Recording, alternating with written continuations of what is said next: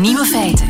Dag, dit is de podcast van Nieuwe Feiten van 17 oktober. In het nieuws vandaag dat Amerikanen te dik zijn om te vechten. Het is te zeggen, Donald Trump die heeft grote militaire ambities. Na jaren van inkrimping wil hij het grootste en sterkste leger ooit opzetten. Probleempje, het wil maar niet lukken om voldoende recruten te vinden. Afgelopen jaar had het Amerikaanse leger bijna 80.000 nieuwe militairen moeten aannemen, maar dat cijfer is niet gehaald, want één op drie van de kandidaatsoldaten die kampt met ernstig overgewicht. Make America Great Again, ja, maar dan eerst op dieet. De nieuwe feiten vandaag zijn burgemeester van Haarlem. Die man leeft al twee maanden ondergedoken.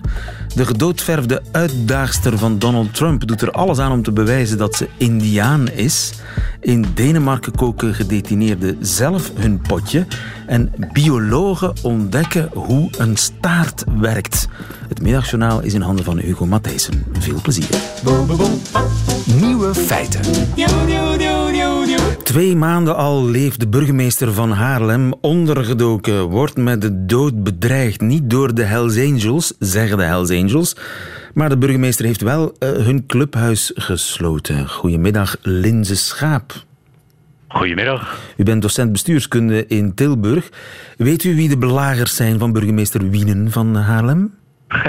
Nee, als ik dat zou weten, dan zou ik gelijk een telefoontje naar het Openbaar Ministerie uh, doen. Nee, helaas, uh, ik, of misschien voor mezelf beter dat ik het niet weet. Ik weet het niet. Niemand nee. weet het, tenzij de mensen die er direct bij betrokken zijn. Nu, criminelen die burgemeesters bedreigen, komt dat vaker ja. voor? Ja, dat komt zeker vaker voor. De laatste tijd ook wat, uh, wat meer. Uh, sowieso is het zo dat ongeveer een kwart van de burgemeesters wel eens een keer bedreigingen krijgt, maar niet altijd uit de criminele sfeer. Ehm, maar inderdaad, dit soort acties. Hè, we kennen meer burgemeesters die ja, bedreigd worden, die naar safe houses moeten, die tijdelijk niet in hun eigen huis kunnen zitten, die het land uit moeten. dus ja, het komt vaker voor, helaas. Blijf even hangen, Linze, want ik heb ook Eddie de Blok aan de lijn. Eddie de Blok, burgemeester van Merchtem en ervaringsdeskundige wat bedreigingen betreft, hè, meneer de burgemeester? Ja, wel, ik ben ook uh, tijdens mijn politieke carrière toch al enkele keren bedreigd geweest. Uh, maar niet door criminele bendes, maar wel door individuen. Uh, ja, dus ik denk dat dat part of the job is. Part of the job, zo simpel is het. Het hoort erbij. Denk, het hoort bij de jobomschrijving. Dat zijn mensen die, ja, die maar één manier hebben om hun ongenoegen over bepaalde beslissingen uh, te uiten. En dat is dan agressief voor de dag komen. Het zij bedreiging met een pistool, het zij uh, verbaal, heel dikwijls zelfs. Met een pistool, meneer de burgemeester, heeft u een pistool ja? tegen uw slaap gekregen? niet tegen mijn slaap, maar wel recht op mij gericht. Echt waar? Uh, ja, dat is echt op, op het gemeentehuis. En uh, mijn gemeentesecretaris is toen uh, binnengekomen, omdat ik wat... ik had voorzorgsmaatregelen genomen, een soort alarmknop aan de muis van de computer. En hij is toen verwittigd geweest en binnengekomen en ja, heeft dat dan ook vastgesteld. Maar ja, ik heb, ik heb klacht neergelegd bij de politie voor die bedreiging. Natuurlijk, daar wordt weinig of geen gevolg aan gegeven. Uh, maar dat geeft echt een, een, een zeer slecht gevoel. En, uh, dus dat is eigenlijk een van de, van de slechte dingen die ik overhoud aan mijn uh, 18 jaar burgemeesterschap. En in dat geval was het geen crimineel, maar het was gewoon iemand die een politieke ja, beslissing die... niet zag zitten? Nee, dat was iemand die, ja, het lijkt misschien onnozel, maar die een gouden kalf, die wist dat er een gouden kalf begraven was op de markt. En, en ik had handen en voeten uitgelegd dat dat zomaar niet kon, dat iemand dat we achter een gouden kalf gingen gaan graven. Ik had, ja, om, het wat af te wimpelen, uh, uitgelegd van, kijk, als er ooit werken op de markt gebeuren, dan uh, zullen we je daarbij betrekken. Maar anders moet u mij zeggen, ja, die markt is redelijk groot in oppervlakte. Anders moet u mij zeggen waar ongeveer dat u weet dat het kalf begraven is. En dan haalde hij een pistool boven om te zeggen: nee, nu wilt jij het kalf gaan opgraven en jij met, de, met het, het, het, geld gaan lopen. Het was een verwarde man, zullen we het daarop ja, houden? Ja, verward. Hij, was op, op dat ogenblik 45 jaar. Ja. En, uh, maar het kalf ja, is intussen uh, nog altijd niet opgegraven in Merchtem. Nee, nee, nee, nee, nee, nee. Het kalf is nog niet opgegraven. Ik ga even terug naar uh, meneer, meneer Schaap. Uh, is, ja. is dat een verschil tussen België en Nederland? Dat in Nederland, waar burgemeesters ook vaak bedreigd worden, dat dat in Nederland meer in de criminele sfeer zit? Nou, of het meer. Ja, ik, ik, ik vermoed van wel. Uh, kijk, dit soort zaken, hoewel ik nog geen gouden kalver in Nederlandse markten uh, ken. Maar uh, uiteraard komen dat soort zaken in Nederland ook voor. Hè. Min of meer verwarde personen die hun zin niet krijgen of die een waangedachte hebben. En nou ja, daardoor allerlei, allerlei rare dingen gaan, gaan doen. Ook hier wordt soms met pistolen gezwaaid. Ehm, maar inderdaad, er zijn ook voorbeelden van, van bedreigingen die toch wel zeer waarschijnlijk uit criminele hoek komen. dus ja, dat komt hier Nederland echt voor. En houdt de burgemeester in Nederland zich meer met criminaliteit bezig dan in België? Nou, ik, ik, ik denk dat het vooral het punt is dat Nederlandse burgemeesters min of meer de woordvoerder zijn geworden, uh, geworden zijn van de aanpak van, van criminele uh, activiteiten op, uh, op lokaal niveau. kijk, ze zijn geen directe baas van de, van de politie, maar ze zitten wel in een driehoeksoverleg van het Openbaar Ministerie, dus justitie, de politiechef en, en de burgemeester. Um, want de burgemeester is strikt genomen alleen maar verantwoordelijk voor de openbare orde en de veiligheid. Hè. Dus geen, uh, heeft dus uh, strikt genomen geen justitiële taak. Alleen, maar toch wordt hij uh, door allerlei drugbendes beschouwd als ja, de man of de vrouw ja. die ja. ons clubhuis sluit, die in de spits staat van de strijd tegen de georganiseerde misdaad. Dus die moeten we ja. hebben. Ja, hij gedraagt dat, zich eigenlijk een beetje als een soort sheriff. Ja, uh, dat, dat, is ook een bevoegdheid van de burgemeester. Hè, om op het moment dat er, er sprake is van echte uh, stevige verstoring van de openbare orde, om dan dit soort beslissingen te nemen. Sluiten van clubhuizen, et cetera. tegelijkertijd, ja, ik vind de, de, de, term sheriff, die kom ik ook heel vaak tegen. Maar het suggereert ook bijna alsof we in het wilde westen van, van het oude Noord-Amerika zitten. Ja, je zou toch bijna gaan denken dat als, als, als ongeveer een derde van de burgemeesters bedreigd wordt door criminelen, ja. dan zit je bijna in de Far West. Nee, dat, dat, dat, dat laten we even uitkijken. Uh, uh, een derde van de burgemeester, een kwart van de burgemeester wordt bedreigd. Maar dat is niet allemaal vanuit criminele hoek. Daar zitten dus ook die verwarde personen bij. Okay. Met de Gouden Kalver en uh, et cetera. Nee, dus, maar de, wat ik wil zeggen is, kijk, een sheriff die gaat zelf schieten zo ongeveer over straat. Nee, dat, dat doen bur Nederlandse burgemeesters echt niet. en ze zijn ook niet die crime fighters die je soms, hè, de Dutertes in, in, in de Filipijnen, et cetera. Dat, dat is een hele verkeerde uh, vergelijking. Maar ze zijn wel, ja, ik een beetje het gezicht geworden van, uh, van de overheid op lokaal niveau. Ja, en daar hoort ook bij dat je soms maatregelen neemt die niet iedereen in de samenleving even prettig vindt. Maar um, moet daarin iets niet veranderen? Moet de burgemeester niet een stapje terugzetten en justitie, justitiewerk laten opknappen? Nou ja, dat pleidooi wordt ook wel gedaan. Hè? Bijvoorbeeld ook door de voorganger van, uh, van de burgemeester in, in Haarlem. Uh, en de oud-voorzitter van het genootschap van, van burgemeesters. Die zegt van ja, dit zijn eigenlijk zaken die toch veel meer bij justitie thuis horen. dus doe daar wat voorzichtiger aan. Nou ja, die discussie is met andere woorden ook in kringen van burgemeesters zo wel, wel aan, de, aan de ja, hand. Ja. Daar is een, een beetje... Ik denk, ik denk, eerlijk gezegd ook dat dat, dat, dat verstandig is. Hè? Zeker als het om criminaliteit gaat. Ja, dat is uiteindelijk een kwestie van van justitie. Um, en uh, de burgemeester heeft er wel een rol in, namelijk op het moment dat er een clubhuis of zo gesloten moet worden. Maar ja, daarmee is, is de burgemeester niet de vervolgende partij. Ja. En uh, is dat in, meneer De Blok in, in België? Ja. Doen burgemeesters voorzichtiger aan? Zijn ze minder geneigd om het uithangbord te worden, het gezicht van de strijd tegen de criminaliteit? Ja, laat mij eerst ook zeggen dat er waarschijnlijk een groot verschil is tussen de gemeenten of de middelgrote gemeenten, zoals Merchtem een gemeente is, en de steden. Ik kan me inbeelden dat de collega burgemeester in steden uh, meer te maken heeft met echte drugscriminaliteit en, en bendes enzovoort. Maar uh, wat, bij ons wel het geval is, is dat wij meer proberen van, van dan uh, ja, een verzoenende rol te spelen als er zich een incident voordoet op, op openbare weg bijvoorbeeld dan uh, echt uh, repressief te, op te treden. Ja. Uh, met praten proberen wij eruit te geraken. En, en het is ook zo dat justitie eigenlijk uh, overbezet is. En ook al dien je klacht in, dat, dat eindigt nergens. En, en dat weten de, degenen die de feiten gepleegd hebben ook wel. En, en die ja. schrikken daar ook niet voor terug om, uh, om het nog eens te doen. Maar kennelijk is ook in België, uh, het, hoort het erbij bij het burgemeesterschap af en toe ja. bedreigd worden. En dat is voor mij toch wel een nieuw feit dat dat zo wijdverspreid was. Dankjewel Eddie de Blok, dankjewel Linse Schaap. Goedemiddag. Goedemiddag. Nieuwe feiten. Ja, in testaankoop zal u er niet zo snel iets over lezen, maar het eten in de gevangenissen van België Denemarken en Nederland is getest. Door Anne-Sophie. Goedemiddag, Anne-Sophie. Goedemiddag. Anne-Sophie van Hoesje, criminologe, schreef een doctoraat uh, over de gevangeniskeukens in die drie landen. Zijn de verschillen groot, Anne-Sophie? Ja, heel groot. Um, mijn onderzoek ging voornamelijk naar de symbolische rol van voeding, maar we hebben daarvoor gekeken naar welke verschillende systemen er bestaan. En daar zie je dat wij in België eigenlijk in onze grootkeukens, in de gevangenissen, eten klaarmaken, warme maaltijden klaarmaken. Terwijl dat men in Denemarken eigenlijk aan gedetineerden een budget geeft en zij daarmee zelf in de kantine in de gevangenis hun ingrediënten aankopen en zelf op de keukentjes op de vleugels hun maaltijden bereiden. Dat is Denemarken. In Denemarken gaat de gedetineerde shoppen. Er zijn winkels in de gevangenis. In sommige gevangenissen zijn het echt winkels. In sommige gevangenissen staan ze eerder achter een soort van toonbank waar, dat er, waar dat ze eigenlijk kunnen kijken welke artikelen ze kunnen aankopen. En dan gaat iemand die voor hen halen. Dus er zijn verschillende systemen uh, wat die aankopen betreft. Maar dus ze koken een eigen potje? Ja, dat klopt. En is dat niet uh, ingewikkeld, praktisch? Ik bedoel, Piet wil hamburger bakken, Mohamed uh, een ei. Ja, ze maken daarover zelf afspraken. Dus ze hebben een keuken dat zij delen. Meestal is dat met een vijftiental gedetineerden.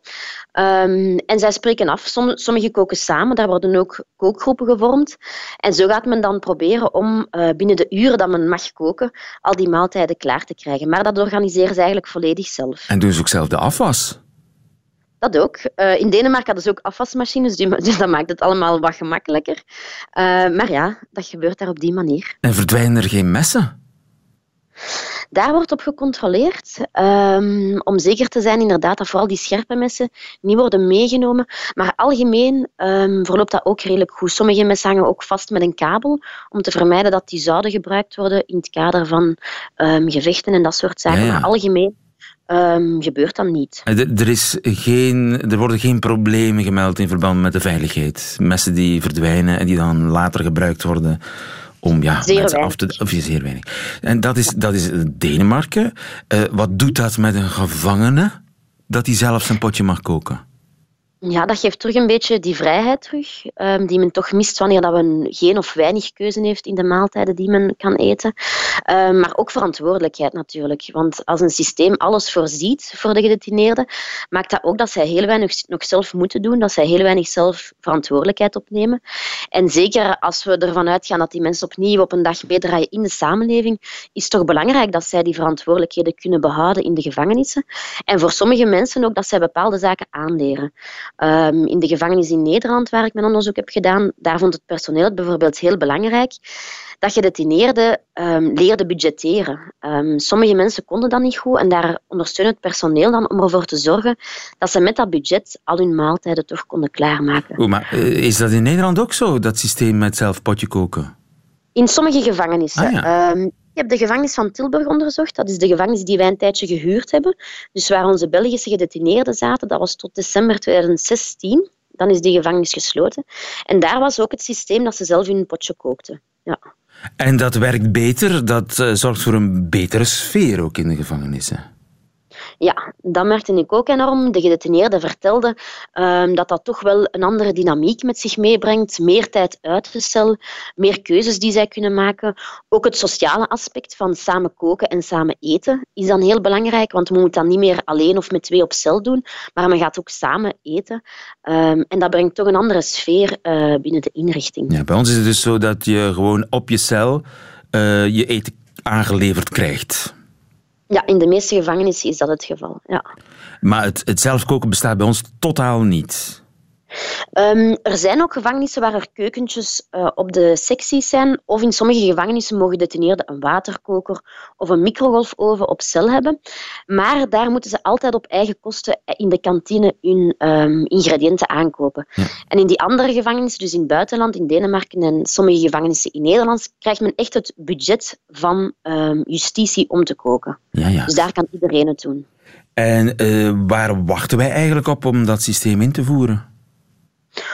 Oh, ik denk dat er verschillende zaken zijn die spelen. Um, de systemen waar dat zoiets wordt ingevoerd, daar zie je dat personeel uh, ook enorm veel investeert in dat soort uh, activiteiten. Dus daarvoor moet er voldoende personeel zijn. Uh, ook heel veel dynamische contacten, want ik vertelde daarnet, er, is weinig, um, er zijn weinig problemen met betrekking tot veiligheid. Maar dat komt ook omdat personeel die gedetineerden kent, zij voelen wanneer er spanning ontstaat en wanneer er bijvoorbeeld iemand best niet naar de kookactiviteit kan gaan, want dat het daar wel eens zou kunnen uitmonden in problemen. Maar je ehm, zegt eigenlijk, het hangt samen met een, een volledig beleid. Het is niet, het is, je kunt niet alleen dat veranderen. Nee, inderdaad. Het hangt samen met heel veel andere actoren. Ook verouderde gevangenissen. In heel veel Belgische gevangenissen zijn de, geva zijn, ja, de gevangenissen zo verouderd um, dat het moeilijk is om, om zo zoveel keukens te installeren, want er zijn veel keukens nodig die ook moeten voldoen aan bepaalde voorwaarden. Um, en dat is in onze gevangenissen niet altijd makkelijk om, om te installeren. Het kost eigenlijk ook meer, het systeem. Um, meer in die zin het budget dat men krijgt, dat gedetineerden krijgen, verschilt niet zoveel van het budget dat we in België spenderen aan uh, het eten. Maar de keukens die men moet installeren, die zijn natuurlijk duurder, omdat men er meerdere moet installeren om iedereen te laten koken. Anderzijds is het wel een activiteit ook die bijdraagt tot hun reïntegratie en op die manier ook wel meer oplevert. Anne-Sophie van Oesche, dankjewel. Ja. Goedemiddag. Lieven van den Houten. Radio 1. Of een vrouw van 84 eh, nog in staat is tot vocale acrobacieën. Wel, u zal het merken. Ik heb haar aan het werk gezien overigens in Oostende begin eh, dit jaar. En ze kan het nog, soms toch. Dirk Drouwlands, goedemiddag. Goedemiddag, lieven. Ik bel jou met een prangende vraag. Welke dier heeft de beste staart? Ik zal je uitleggen waarom. Uh, knakjournalist en mijn favoriete bioloog. Uh, collega's van jou in Amerika die hebben vijf staarten getest. Welke staarten waren dat? Dat waren de olifant, de giraf, de koe, het paard en de hond. En die verschillen zijn groot tussen die staarten. Niet alleen in lengte, maar ook in bewegelijkheid, in kracht. Want ja, als je zo'n olifant ziet, aandoenlijk klein kwastje toch, hè? Ja, en ze hebben dat bekeken in functie van de vraag of die staarten nu echt efficiënt zijn in het weghouden van insecten. Dat is iets wat dat iedereen denkt dat zo is, maar wetenschappers zijn er dan achter gekomen dat dat eigenlijk nog nooit uh, echt gecontroleerd geweest is. En die Amerikanen hebben dat nu wel gedaan en hebben hun resultaten dan beschreven in de Journal of Experimental Biology. Altijd een ambetant vakblad om te lezen, want dat staat altijd vol wiskundige formules. Maar de conclusies waren wel duidelijk. De staart van dit soort dieren is heel efficiënt in het weghouden van muggen en vliegen. Ja, want eh, is dat de enige functie van een staart? Vliegen nee, nee, er zijn nog functies. Hè. Er is ook, dat kan ook als verdediging zijn. Hè. Als je zo'n staart van een koe of zoiets tegen je kop krijgt, eh, dat voelde wel. Dat kan ook een communicatie-kwestie eh, zijn. Hè. Honden die gebruiken een staart ook, denk maar aan het kwispelen, om informatie door te geven. Maar in C is die, is die zeker bij dieren, gelijk als paarden en koeien en, en, en olifanten en zo, is die staart toch wel heel efficiënt ook in het weghouden van, van, van muggen en vliegen. Dus vooral stekende insecten. Maar zo zelfs dat kleine kwastje van de olifant werkt goed tegen insecten. Ja, ja, blijkbaar ja. En er is een dubbele functie in het spel. Dat is eigenlijk het bizarre aan dat onderzoek. Er is een soort wire-functie en een zweepfunctie. En de wire-functie dat is uh, veel energievriendelijker. Dat gaat dus veel trager en, en ook wel constanter. Maar die heeft zo meer de natuurlijke beweging van, hè, van wat we een pendulum zouden noemen. Zo'n hangklok, gelijk als vroeger bij de grootouders hadden. Die, die pendulum die, die beweegt zich eigenlijk aan een soort natuurlijk ritme. En als je in dat natuurlijk ritme zit, verbruikt je minder energie. Ja. Maar bij die, bij, die, bij die dieren is dat iets hoger. Die gaan dus hoger dan die pendulumfunctie, maar dan hebben ze nog twee snelheden. Ze hebben de gewone wire-snelheid, waarmee dat ze eigenlijk um, ja, een luchtstroom genereren waardoor muggen, en vooral muggen, niet kunnen landen op die huid, want die worden weggewapperd. Dus voordat ze kunnen gaan steken. En dan hebben ze echt de tweede functie, de zweepfunctie, dan gaan ze echt op hun eigen, hun eigen eh, lijf slaan, bij wijze van ja. spreken. Ja, de pets om, om, om beesten weg te, weg te meppen. Ah ja, maar dus er is een soort ideale windsnelheid, zeg maar, waardoor vliegen, insecten, muggen het niet leuk vinden in de buurt van de kont van de eigenaar van de staart. Ja, en ze hebben dat berekend en blijkbaar is dat ongeveer een meter per seconde waarmee dat die staart eh, slaat. En dat is nu exact dezelfde uh, snelheid die muggen gebruiken bij het aanvliegen. En men denkt dat dat daar zo'n evolutionair spel in het werk geweest is, dat die staarten dus effectief gaan slaan aan de snelheid waarmee dat ze het minste energie verbruiken om toch het meeste effect te hebben. Ah, daar kunnen we misschien nog iets van leren. Dus eigenlijk hebben we een soort ventilator nodig die ongeveer met die snelheid uh, draait. Ja, want het grappige is dat die wetenschappers hun onderzoek dus mee verantwoorden door het feit dat ze dus effectief hopen van middelen te vinden, hè, kunstmatige middelen, dat je dus zonder Af, al die... Al afkijken die, bij de beesten. Ja, ja, dat je dus zonder al die pesticiden te gebruiken toch muggen uit je kamer kunt weghouden en op die manier dus afkijken bij de beesten. Het, uh, maar wie heeft nu grappig. de beste staart? Ja, het, het, het, er, er, zit variatie op in, in, in functie van de grootte. Je kunt echt een beste niet, niet, niet vergelijken. Dus de grootste beesten hebben een traagste staart. En, en, maar dat heeft dan allemaal ook weer energetische redenen. Maar ik denk de mooiste strategie is die door paarden gebruikt wordt. Want paarden die, die hebben hun gedrag ook mee aangepast. Die gaan soms kop aan staart staan naast elkaar met twee. Waarmee dat de staart, waardoor dat de staart van de ene de kop van een andere vrij van muggen. En, en vooral vliegen kan houden. Een soort anti-mugswasantnuf. ja, ja, ja, ja, voilà. Iets van dat slag, ja. ja. Het is trouwens grappig, er is zo'n anekdote uh, uit, uit, een boek Animal Farm van George Orwell. Dus het, de, die dierenanalogie van vroeger. Daar zit zo'n oude, knorrige ezel in, Benjamin geheten. En ze zeggen op een gegeven moment, een Benjamin is dan zijn beklag aan doen over het feit dat er zoveel muggen en vliegen zijn die hem komen amputeren. En dan zegt een ander dier tegen de Benjamin, ja, ja, maar je hebt toch een staart gekregen om daar iets aan te doen? Waarop dat een Benjamin antwoordt, ik had veel liever geen staart gehad, maar ook geen vliegen en muggen. Dus, het, ja. dus, dus dat illustreert dus echt dat die staart waarschijnlijk echt wel ontwikkeld is als een mechanisme hè, om, uh, om... te uh, overleven. Om, Want zonder voilà. staart kan, kan een ezel of een paard niet leven. Die wordt gewoon leeggezogen. Ja, dat zijn bizarre gegevens. Hè. Er zijn dus wetenschappers, die, die andere wetenschappers, maar dat staat vermeld in datzelfde verslag. Een koe kan in slechte omstandigheden tot een, een, een, een, een goede 33 een goede pint per dag aan bloed verliezen, aan steekvliegen. En in, in, in de Verenigde Staten, want die studie, uh, mannen die die studie gedaan hebben, die mensen die die studie gedaan hebben, dat zijn Amerikanen, 2 miljard dollar per jaar productieverlies aan melkverlies en vleesverlies door het feit dat die vliegen, en vooral die vliegen, die koeien daar liggen te ambeteren. Dus dat is echt wel een, een, een impact op, op op, op economische, met, met zware economische proporties. Ja, dus de, vandaar... De wereld mag dankbaar zijn voor het bestaan van de staart. Dat is nu wetenschappelijk aangetoond. Dankjewel Dirk Drouwlands. Goedemiddag. Dankjewel, lieve. Goedemiddag. Nieuwe feiten.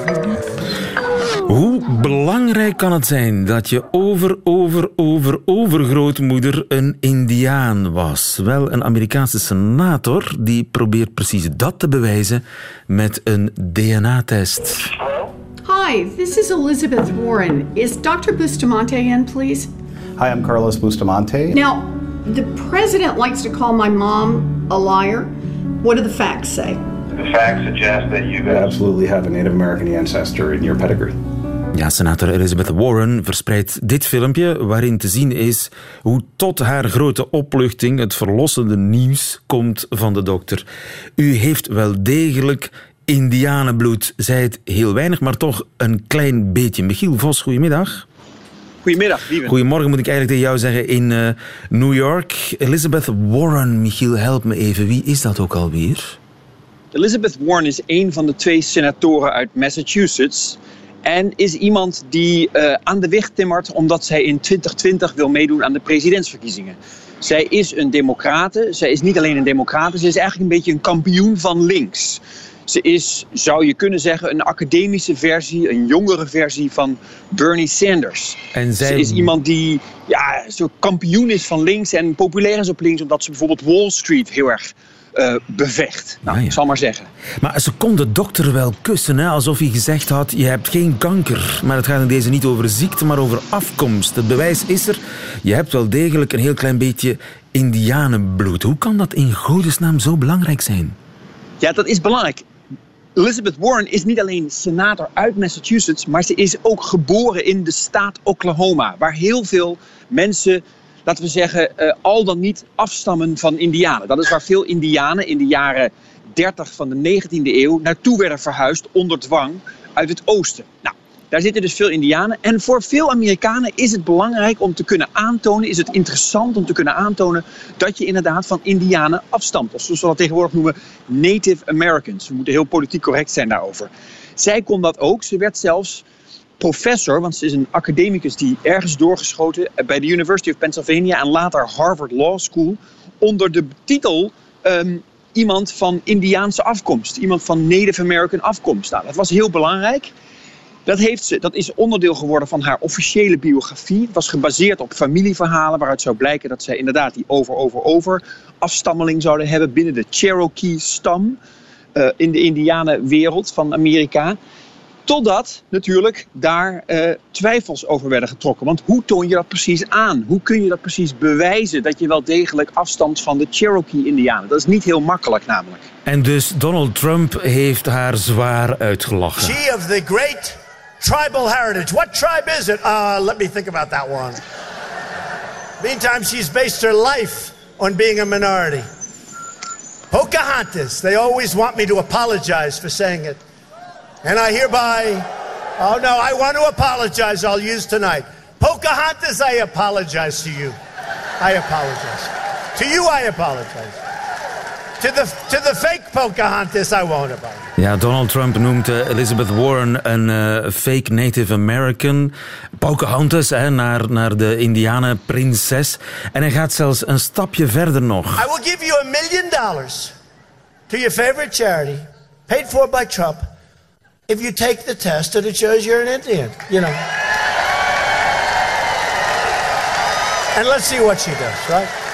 I have a feeling she will say no, but we'll hold that for the debates. Do me a favor, keep it within this room, because I don't want to give away any secrets. And the press is very honorable. They won't. Please don't tell her what I just said. Ja, zelfs de, de president uh, moeit zich met de kwestie. Ik geef een miljoen aan een goed doel naar haar keuze als ze bewijst dat ze Native American is. Ligt dat bewijs er nu? Ja en nee. Ze is inderdaad naar een dokter gegaan. Ze heeft een DNA-test gedaan, een DNA-test. Daaruit zou blijken dat Elizabeth Warren tussen, en ik ga nu twee nummers noemen, 1 64ste en 1000, ik geloof 32ste, deel uh, Cherokee zou kunnen zijn. Ja, ze is, ze is een heel klein beetje Pocahontas. Een klein beetje Pocahontas zou kunnen zijn. Nee, dus het is een heel minieme kans. Niet een feit, maar het is een kans volgens de dokter, volgens het DNA-rapport, dat ze inderdaad afstamt, zou kunnen afstammen van een Cherokee-Indianen, dat ze, dat ze daartoe behoort. Maar in het openbare leven behoort ze daar niet toe. Ze staat niet ingeschreven, zoals Amerikanen dat noemen, bij een stam. Ze doet niet mee aan, laten we zeggen, het stamleven eens in de zoveel tijd. Dus dat wordt haar, dat DNA-onderzoek is inmiddels, dat is deze week bekend geworden, dat is inmiddels heel hard en duidelijk afgewezen door de Cherokee Indianenstam. En zelfs door de Indianen-autoriteit, die er wel degelijk is in Oklahoma.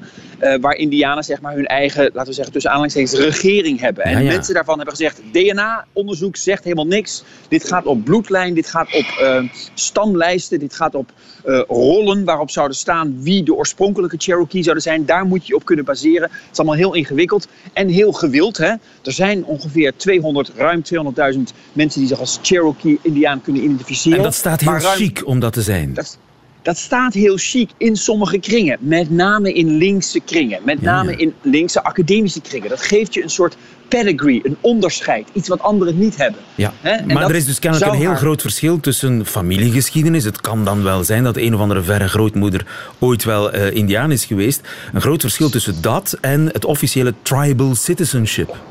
Ja, want, want de Indianen zijn bang dat veel blanken doen aan wat we noemen hier cultural appropriation. Dat je zeg maar een cultuur toe-eigent van een minderheid om dat een beetje chic aan je eigen bloedlijn toe te voegen, aan je eigen familieverhaal toe te voegen. En dat, zo zeggen de Indianen, dat heeft Elizabeth Warren hier geprobeerd. En wie is natuurlijk de lachende, giechelende derde? Dat is natuurlijk president Trump. Hij is er politiek de... sterker van geworden?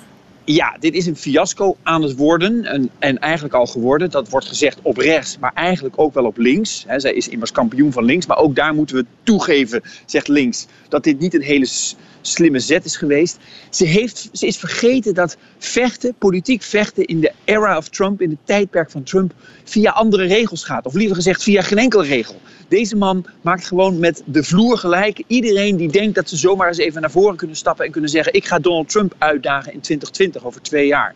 Hij maakt belachelijk, hij, hij schult vrouwen uit, hij maakt ze uit voor weet ik wat. Hij uh, gebruikt scheldwoorden, Pocahontas, dat zou eigenlijk nooit kunnen. Dat mag je niet gebruiken, zo'n woord, om als scheldwoord. Trump wel. En dat is heel moeilijk voor democraten en ik denk ook Elizabeth Warren om echt te begrijpen. Ja, en intussen is hij er politiek sterker van geworden. Wat mij nog het meeste verbaast is dat dat kennelijk zo'n ding is, je afkomst. Ik bedoel, heeft de overheid, sta jij ergens te boek bij de overheid als blanke? Ja, ja ik ben gewoon Caucasian. Dat moet je aankruisen. Van, dat moet je aankruisen. Ik ben het saaiste van het saaiste, lief. Ik ben gewoon Caucasian. Ik ben een blanke, nog erger, ik ben een blanke man. Dat is nog wel heel erg. Ja. Dat, zijn er, dat zijn er heel veel van. En dat is het saaiste onderdeeltje op bijvoorbeeld de tienjaarlijkse volkstelling word je geacht aan te kruisen wat je bent. African American, Caucasian, Native American. En dan nou Native American, dat zou speciaal kunnen zijn. Het leidt ook bijvoorbeeld tot voordeel als je je aanmeldt bij prestigieuze universiteiten zoals Harvard, dan heb je voorrang. Affirmative action noemen we dat.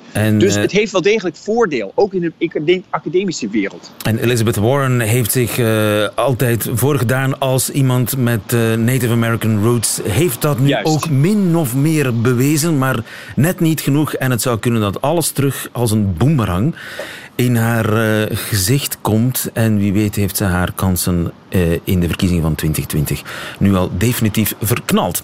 Dankjewel in uh, New York voor ons voor deze toelichting bij deze toch wat rare raciale kwestie. Ja, Michiel Vos in New York. Dag, Goedemiddag, dankjewel. Dag, Nieuwe feiten. Middagjournaal. De nachtwacht wordt gerestaureerd en wie zich geroepen voelt mag dat live gaan meemaken in het niet zo verre Amsterdam. Ik denk niet dat ik een kaartje ga kopen. Ik heb dat ding, de nachtwacht, dus wel eens van dichtbij gezien. En toen dacht ik, waarom voel ik geen gelukzalige rillingen over mijn rug lopen bij het aanschouwen van dit meesterwerk? Waar blijven de tranen in mijn ooghoek? Waar is de eventuele krop in de keel? Wat is er toch mis met mij? Ja, hoor, ik zag het wel. De dynamiek, het spel van licht en schaduw, de compositie, de zwier waarmee het geschilderd is. Dat had ik trouwens vooraf al ergens gelezen, meermaals zelfs. Maar al die voorkennis hielp niet om mij in een esthetische vervoering te brengen. En dan dacht ik, wat is er toch mis met mij? Ja, een mens begint dan aan zichzelf te twijfelen. Ben ik niet fijnzinnig genoeg? Heb ik te veel culturele rotzooi geconsumeerd, waardoor ik ontoegankelijk ben geworden voor het werkelijk waardevolle? Of misschien is het wel een beetje een protserig ding, een pronkstuk. De oorspronkelijke bedoeling was misschien dat de toeschouwer dacht: amai, dat zijn mannen uit één stuk. Goed gekleed ook, smaakvol. En die pijnzende blikken in de verte, als daar geen geestelijke diepgang uitspreekt, dan weet ik het ook niet meer. Nee, dit zijn bepaald geen losers. Als die mannen zouden opkomen bij de verkiezingen, dan zou ik het wel weten. Als ze allemaal bij dezelfde partij opkwamen tenminste, want anders zat ik met een verscheurende keuze. Nee, geef mij dan maar het lam gods, met dat beest dat je, zeker na de laatste restauratie, zo doordringend aankijkt dat je drie dagen later nog altijd vast van plan bent om je leven te beteren. Die indruk heb ik tenminste als ik naar de foto's kijk. Want ik ben het echte lam gods nog niet gaan aanschouwen, omdat ik dat niet durf. Wie weet, wat haal ik me dan op de hals? Yoga, gaan joggen, geheel onthouding en als kers op de taart toch maar naar het Rijksmuseum om mijn culturele pijl wat op te krikken. Nee, ik mag er niet aan denken.